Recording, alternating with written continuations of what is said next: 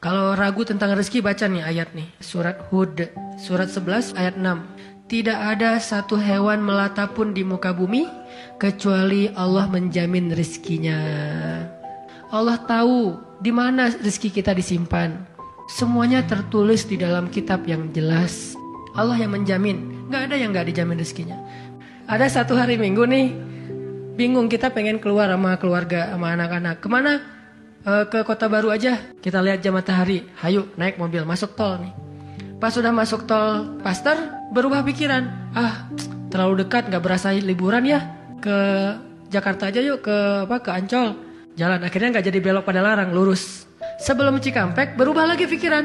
Ah Ancol mah udah pernah ya cari pantai baru deh. Keluarlah Cikampek. Akhirnya nyisir Subang, Indramayu, nggak dapat pantai yang kita nyaman nih. Dari pagi keluar sampai asar makan empal gentong di Cirebon. Pas kita masuk, orangnya bahagia banget gitu.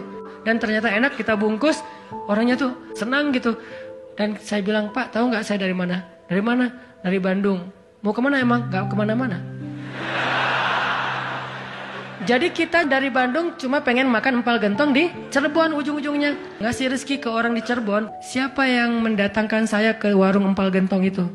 Oh yakin nih sama Allah Allah bisa banget ngedatangin Kalau ini terjadi kepada orang lain Berarti kalau saya cari rezeki bisa juga caranya kayak gitu Allah kan punya banyak cara Artinya karena dia nggak tahu prosesnya Rasa syukurnya juga sederhana Kalau kita tahu gimana rumitnya rezeki itu datang ke kita Kita akan syukurnya lebih pasti tuh Cuman kadang-kadang atau seringnya kita nggak tahu cara itu, tahu hasilnya doang nih. Tiba-tiba dapat. Sesederhana itu kita berpikir, akhirnya sesederhana itulah syukur kita ke Allah.